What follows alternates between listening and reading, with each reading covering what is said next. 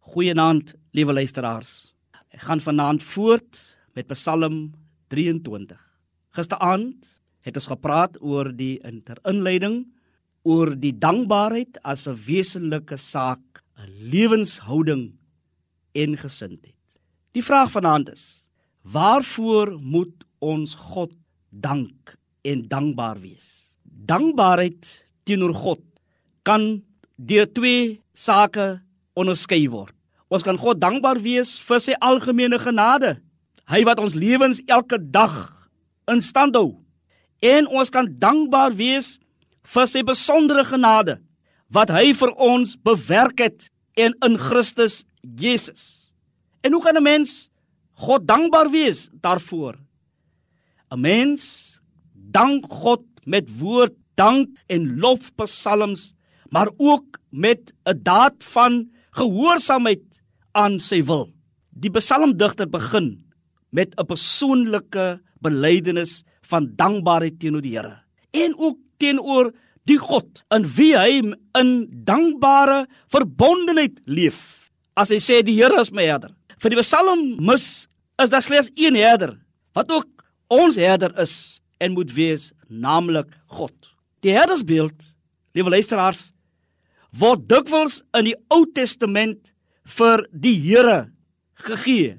Psalm 80 vers 2, Jesegiel 34 vers 12 en soveel sê dit vir ons.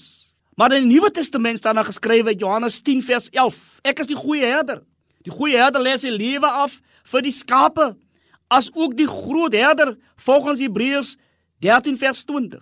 God wat vrede gee, het ons Here Jesus Christus wat deur die bloed van die ewige verbond die groot herder van sy kudde uit die dood teruggebring en die opperherder so dit staan in 1 Petrus 5 vers 4 en dan wanneer die opperherder kom sal julle die heerlikheid as onverganklike kroon ontvang.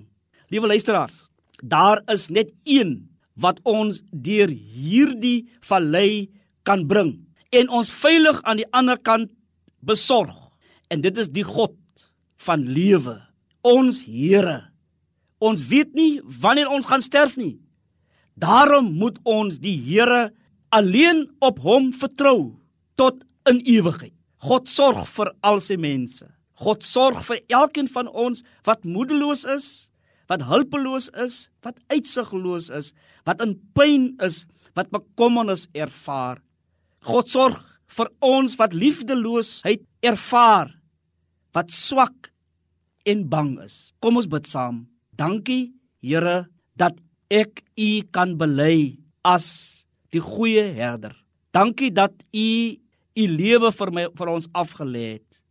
Dankie dat U vir ons vrede bring. Dankie dat U vir ons ook hier en nou deur U sorg U heerlikheid kan ervaar en beleef. Lei ons op gelyke pad sorg vir ons ook in woestyntye en wil U ons ook deur die nag as die goeie herder bewaar en beskerm. Amen. 'n Goeie nag vir u.